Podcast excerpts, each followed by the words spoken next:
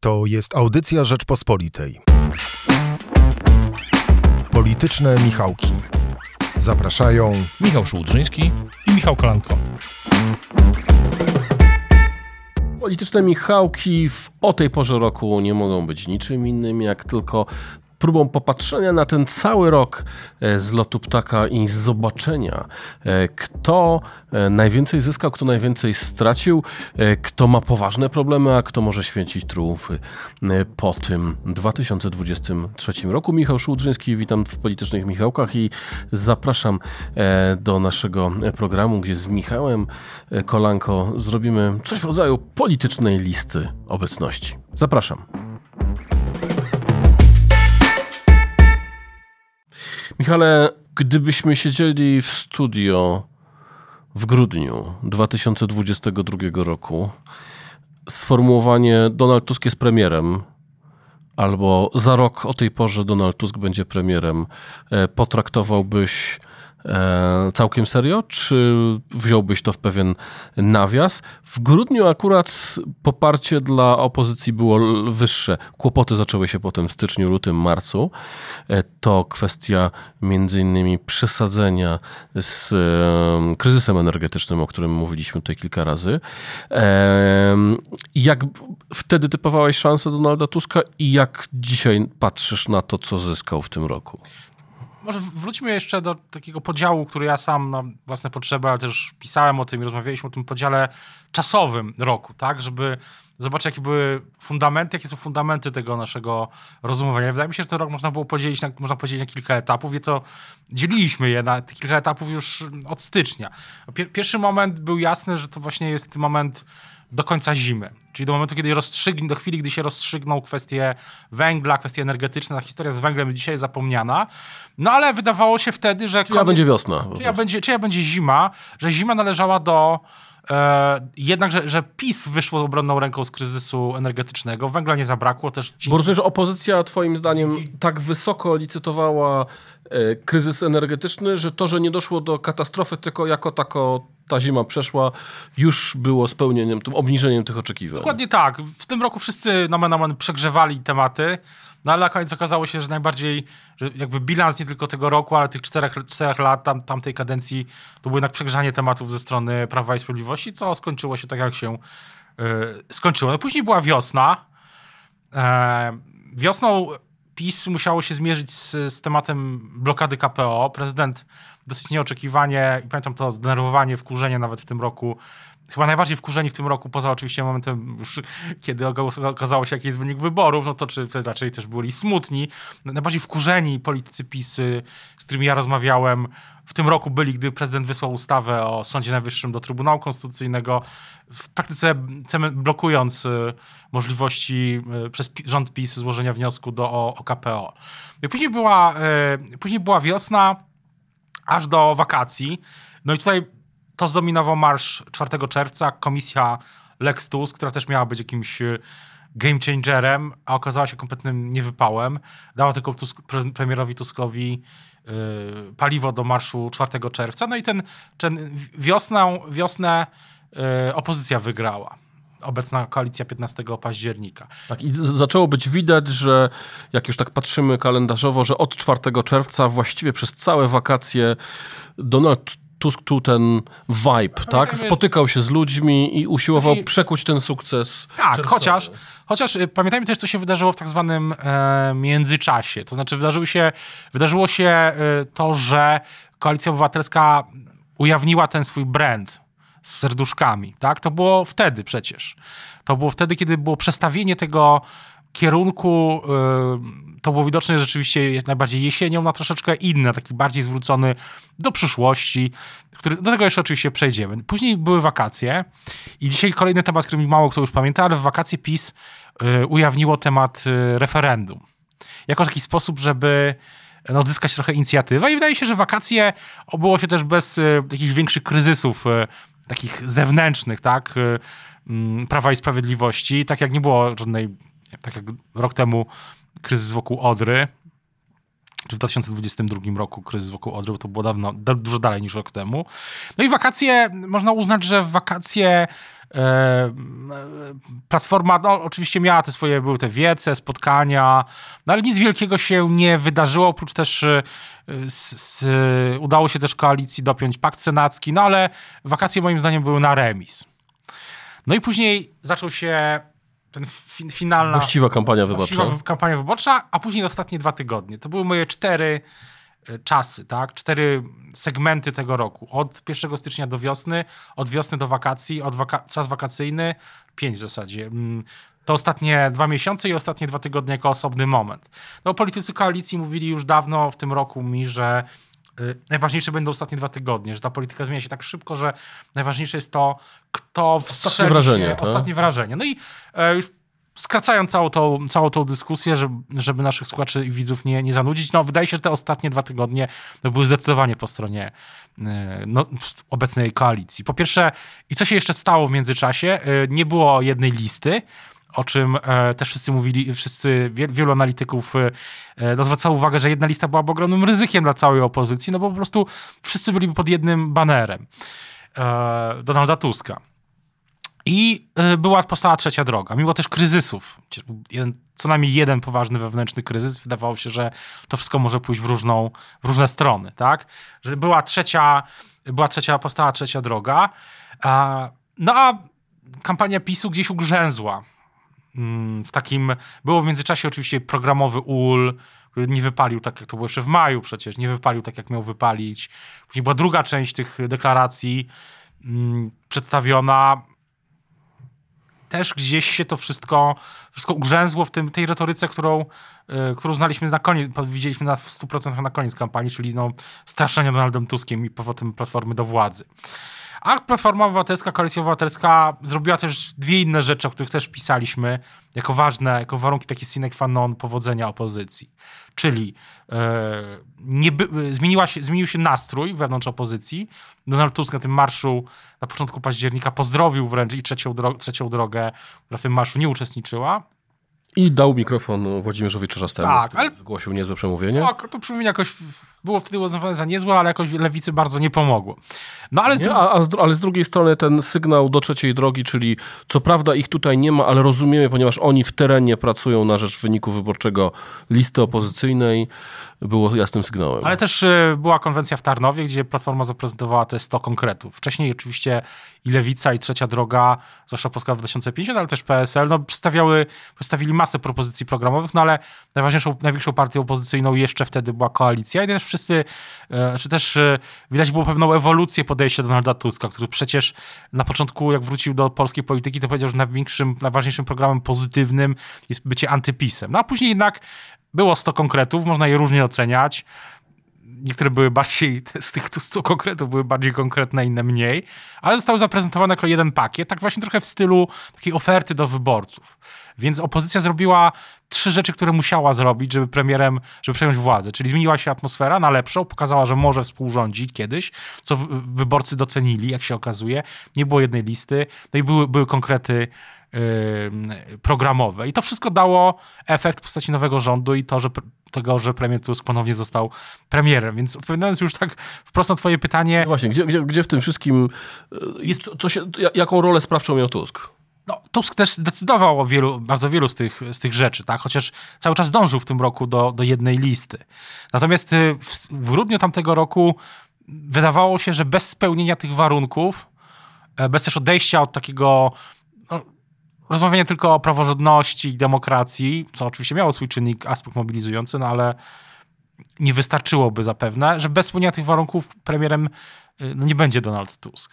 A nie, nie masz wrażenia, że Donaldowi Tuskowi najbardziej pomógł obu, obóz władzy? Przecież Lex Oczywiście. Tusk, decyzja e, Andrzeja Dudy, żeby podpisać bardzo szybko, tydzień przed e, zapowiadanym marszem 4 czerwca. Później ta nastawiona całkowicie przeciwko Tuskowi kampania wyborcza, łącznie z Mateuszem Morawieckim, który stawał się w pewnym momencie antytuskiem.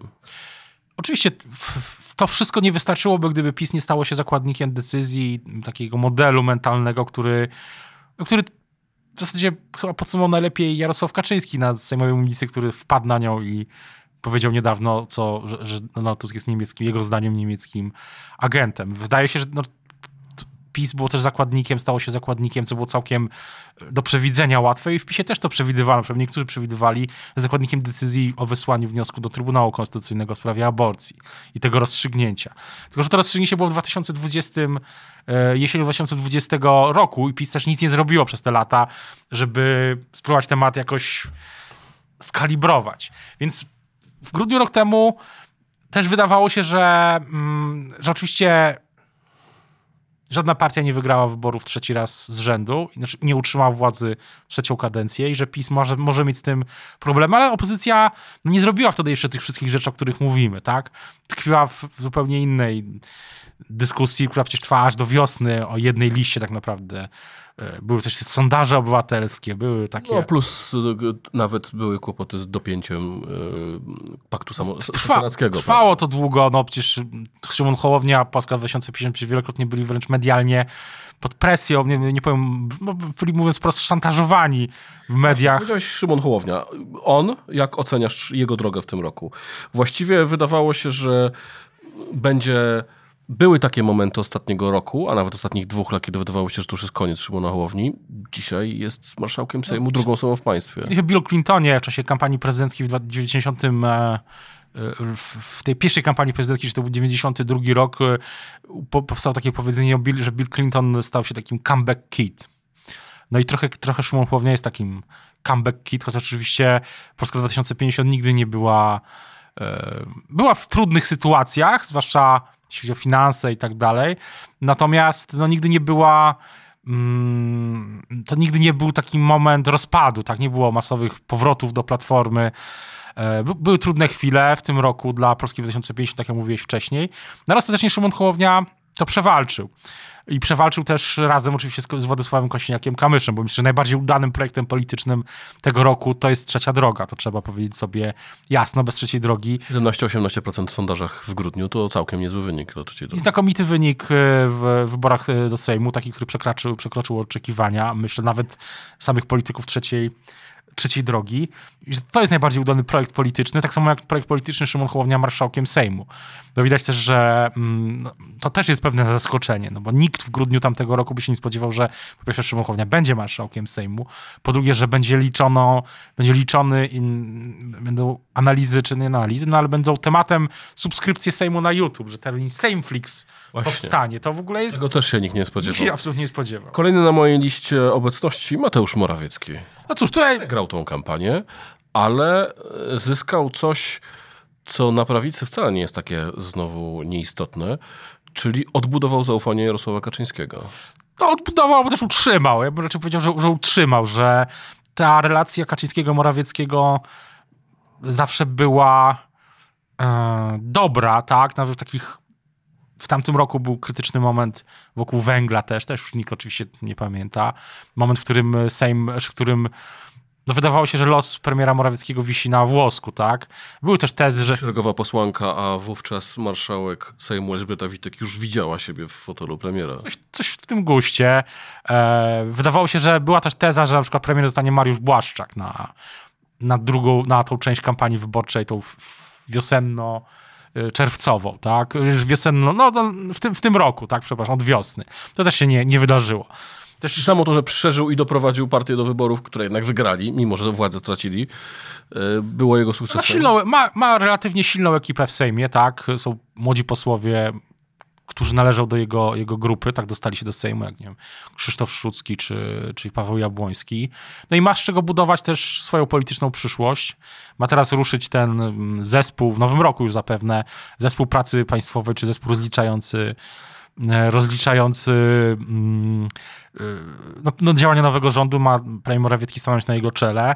No myślę, że dzisiaj jest jednym z kandydatów zarówno na pre, potencjalnych kandydatów na prezydenta w 2025 roku, jak i potencjalnych kandydatów na nowego lidera PiS, tak? A propos liderów PiS, Jarosław Kaczyński, gdzie jest dzisiaj? Czy ja mam wrażenie, że jednak takim symbolicznym momentem tego roku był Kaczyński krzyczący do Tuska, pan jest niemieckim agentem, co pokazało taką wielką niemoc Kaczyńskiego e, i dosyć dobrze go podsumowało. Jak ty oceniasz to, co on zrobił w tym roku i gdzie się znajduje na końcu?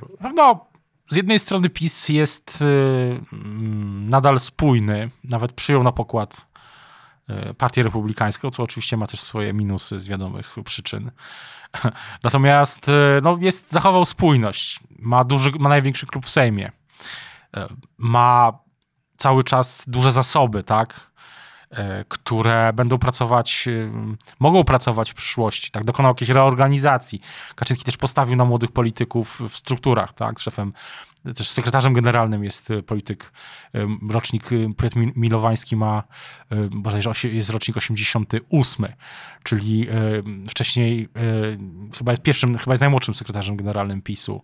W jego historii też połowa liderów regionów to są politycy młodego pokolenia, co najmniej połowa. Więc to Kaczyński zrobił, tak? Nie odbudował moim zdaniem relacji z prezydentem to się nie wydarzyło w tym roku. To widać zresztą przy okazji dyskusji o TVP. Tak, że, to ona ujawniła wręcz pretensje Jarosława Kaczyńskiego do Andrzeja Dudy, ale to niezwykle, słuchaj, to nie jest ustawione. Kolejnego na liście naszej obecności po Kaczyńskim mam Andrzeja Dudę. Andrzej Duda w tym roku... Mm, po pierwsze, no, zajmował się też sprawami, które ma się zajmować prezydent, czyli sprawami zagranicznymi. Kwestia relacji z Ukrainą to jest jedna rzecz wsparcia dla Ukrainy w, w, wojnie, która cały czas się toczy, wchodzi w kolejny, kolejny rok i niestety kolejne fazy. Wewnętrznie na pewno no, prezydent zyska, zyskuje na tej kohabitacji. Widać to już teraz. Też prezydent wzmocnił swoje zaplecze formalnie, y, nieformalny wcześniej, czy społeczny doradca prezydenta Marcin Masolek teraz jest szefem jego gabinetu i to też widać. To też widać w ostatnich tygodniach i, i miesiącach taką no, nową dynamikę tej, tej kadencji. No bo bez względu na to, co się będzie działo w PiSie czy w Sejmie, e, to jednak on będzie tą, tym naturalnym kontrpartnerem dla Donalda Tuska. Czy będzie z nim współpracować? Czy będzie mu rzucać kłody pod nogi? E, czy będzie wspólne posiedzenia Rady Bezpieczeństwa Narodowego, które wyglądają no niezwykle merytorycznie i tak dalej, czy też będą jakieś weta?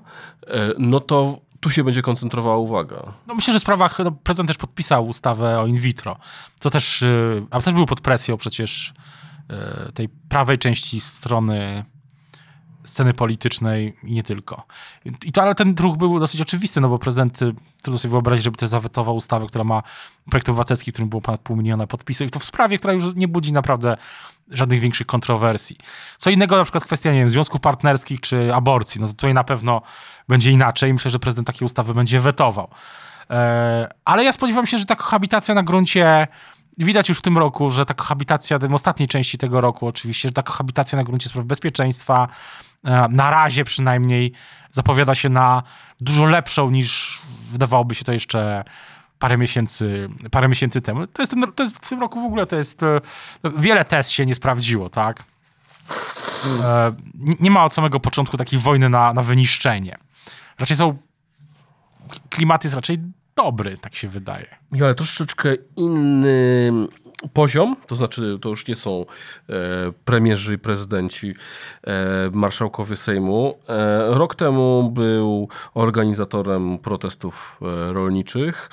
E, w tym roku był jedną z twarzy kampanii obok Donalda Tuska opozycji. Teraz jest wiceministrem e, rolnictwa. Michał Kołodziejczak. Zaskoczeniem była twoim, dla, dla ciebie jego kariera? Nie, ponieważ wielokrotnie rozmawiałem, znam, rozmawiałem z Michałem Kołodziejczakiem, znam jego y, styl i też umiejętności, które dał po, poznać w czasie tych protestów, o których mówiłeś. Zaskoczenie była decyzja o tym, że będzie kandydował z, z Koalicji Obywatelskiej, ale okazało się, że zarówno intuicja Donalda Tuska, jak i samego Kołodziejczaka były tutaj trafione. Został trafne, został wiceministrem, ma teraz dużo, dużo pracy przed sobą, no ale zbudował solidny fundament na przyszłość. Tak? To tym, że jest w Sejmie, jest w tym obiegu medialnym, jest, ma ważną rolę, no bo rolnictwo teraz się będzie mocno liczyło. Nie tylko zresztą on taką karierę, e, czy się przebił, wybił w tym roku z polityków, których mniej znaliśmy, albo w ogóle ich nie znaliśmy jako punkt, w grudniu ubiegłego roku, jako ten punkt odniesienia. Właśnie, kolejne nazwisko Andrzej Domański, e, w tej chwili minister e, finansów. Pojawiał się w jakichś dyskusjach eksperckich, w panelach, e, gdzie mm, uchodził, z, czy był ekonomistą, potem chodził w tym nimbie doradcy ekonomicznego e, Donalda Tuska. No, w tej chwili jest jedną z najważniejszych osób w rządzie, bo wydaje się, że e, w tej chwili Donald Tusk wraca do tego wcześniejszego modelu, bo Mateusz Morawiecki całkowicie podporządkował premierowi stanowisko ministra finansów, Andrzej Domański wygląda na osobę, która ma odbudować prestiż tego najważniejszego resortu. Najważniejszego, jednego z najważniejszych, bo tak naprawdę przecież finanse wpływają na każdy inny resort. Andrzej Domański, który też jest politykiem młodego pokolenia, którego też właśnie, tak jak mówiłeś, znaliśmy bardziej z, I też z Krakowa. Też z Krakowa y, sfery eksperckiej, y, no teraz się jest na pierwszej linii. I myślę, że też y, już ta debata budżetowa, mm, jak byłem w Sejmie, w kuluarach, to raczej dobre wrażenie zrobił też na koalicjantach. I robi też, no oczywiście będzie miał dużo przed sobą wyzwań, to jest całkiem jasne, że E, te budżety, budżet, decyzje dotyczące finansowania kolejnych obietnic, no to to jest coś, z czym będzie się mierzył na co dzień, już teraz się mierzy. No ale myślę, że można powiedzieć, że jest jedną z takich postaci, które nas, e, które, które pozytywnie się wybiły, przebiły w tym roku. Tak samo na przykład jak e, jego, tak na przykład, żeby tylko nie pozostawać przy, przy ławach nowej koalicji, koalicji 15 października, na przykład profesor Krzysztof Szczucki z wcześniej centrum, szef RCL-u, mniej Y, przez wiele lat bardziej właśnie na, w tym w backgroundzie, tak, w cieniu. A teraz y, poseł na Sejm na pierwszej linii w sprawach dotyczących praworządności i wielu innych też myślę, że będzie miał co, y, co robić. I też myślę, że w przyszłości będzie miał wiele do powiedzenia, wiele do, ważną rolę do odegrania, jeśli chodzi o całą przyszłość e, prawicy. A też wcześniej, też wcześniej no, znaliśmy go z zupełnie innej e, strony. Jeśli, Ekspert e, był publicystą, komentował wydarzenia prawnicze. A skoro o prawie mowa, kolejny na mojej liście Roman Giertych. Spodziewałeś się rok temu, że dzisiaj Roman Giertych będzie jednym z kluczowych posłów. Co prawda nie ma żadnego rządowego stanowiska, e, ale jednak e, odgrywa dosyć dużą rolę w tym e, narracyjną po, po stronie obozu. Było do, to było do przewidzenia, że, że będzie próbował, że, że te wybory, w tych wyborach będzie kandydował i że Donald Tusk da mu szansę, więc tutaj zaskoczony nie jestem. No zobaczymy, jak to będzie wyglądało w, w przyszłości. Magdalena Biejat, wicemarszałkini Senatu. Ona też zbudowała, czy zbudowała swój wizerunek publiczny, też częściowo udało się to jej dzięki temu, że weszła w spór, czy bardziej, bardziej to Roman Giertych ją atakował w mediach społecznościowych, co miało przełożenie też na dyskusję wokół y, i partii Razem i sama no, przyszła wicemarszałkini znalazła się w, też bardziej w centrum uwagi mediów. Myślę, że jeśli chodzi o przyszłość lewicy akurat, to też ma dużą rolę, będzie miała dużą rolę do, do odegrania. Zresztą nie jest jedyną posłanką czy polityczką lewicy, które się w tym roku y, na plus przebiły na przykład. Paulina Matysiak prze, która dzięki też zaangażowaniu w social media, swojemu podcastowi i wielu innych działaniach, to też stała się, myślę, że stała się jedną z no, twarzy tego tematu, jakim jest y, kwestia transportu, wykluczenia transportowego, PKP. W, w, tym roku, ten rok zaczął się tak de facto od sprawy związanej z PKP, czyli podniesieniem cen biletów na kolei, z tego się nowy rząd, czy, przepraszam, z tego ówczesny rząd musiał się wypis, wycofać, również dzięki y, presji y, właśnie posłanki Pauliny Matysiak, która też oczywiście e, jest e, e, znów posłanką zdobyła, zdobyła ponownie mandat. Myślę, że ona też będzie miała coś do opowiedzenia, nawet wiele do powiedzenia, jeśli chodzi o przyszłość lewicy, lewicy w Polsce. Rafał Trzaskowski nie e, startował, nie stał się tym game changerem, e, co zapowiadano, że w pewnym momencie Tusk się wycofa i wystawi Trzaskowskiego do, e, do, na premiera. I też był jedynym politykiem Platformy Obywatelskiej, który nie chodził w białych koszulach podczas wieców Donalda Tuska. Nie chodził w białych koszulach. Te białe koszule stały się chyba symbolem, można powiedzieć, że to był polityczny gadżet tego roku, poza tymi serduszkami. Jako brand, ten brand był bardzo zręcznie przygotowany, to on się multiplikował przecież na dziesiątki różnych sposobów. Zresztą sam premier Tusk nawet dostał od, wielokrotnie dostał, dostał taki gadżet, i powiesił go sobie w, w gabinecie z takie wyplec... Taki wyszy, wyszywany, tak. Wyszywany serduszko. To też pokazuje moc tego symbolu. E, przecież ta koalicja obywatelska pod tym brandem szła, nawet ma takie już e, logo nowe, platforma i, i całe to całe środowisko. E, Rafał Trzaskowski hmm, na pewno wsparł jak mógł e, koalicję obywatelską, całą opozycję. Kandydatem na premiera nie został, mimo tych dyskusji. Zresztą się cały czas zastanawiam, na ile one były realne, na ile były pod, podsycane z różnych powodów. A no dzisiaj, dzisiaj ma proste zadanie, tak? No, gdy rozmawiamy w grudniu 2023 roku, no to jego zadanie jest banalnie proste, znaczy musi wygrać wybory prezydenckie w Warszawie ponownie E, ponownie, to jest mój warunek minimum, to, to jest dosyć banalne, jeśli chodzi o bycie kandydatem. Dopiero od tego zależy to, czy będzie kandydatem na prezydenta? Myślę, że częściowo tak, częściowo też zależy od tego, czy wygra w, w pierwszej turze, z jakim, w jakim stylu, z jakim wynikiem. No i też to będzie kandydatem, no bo kontrkandydatem, bo e, to właśnie nie warszawskość Patryka Jakiego sprawiła, że e, Trzaskowski tak... Dzisiaj, dzisiaj najwięcej mówi się o Tobiaszu Bochańskim, byłym wojewodzie mazowieckim.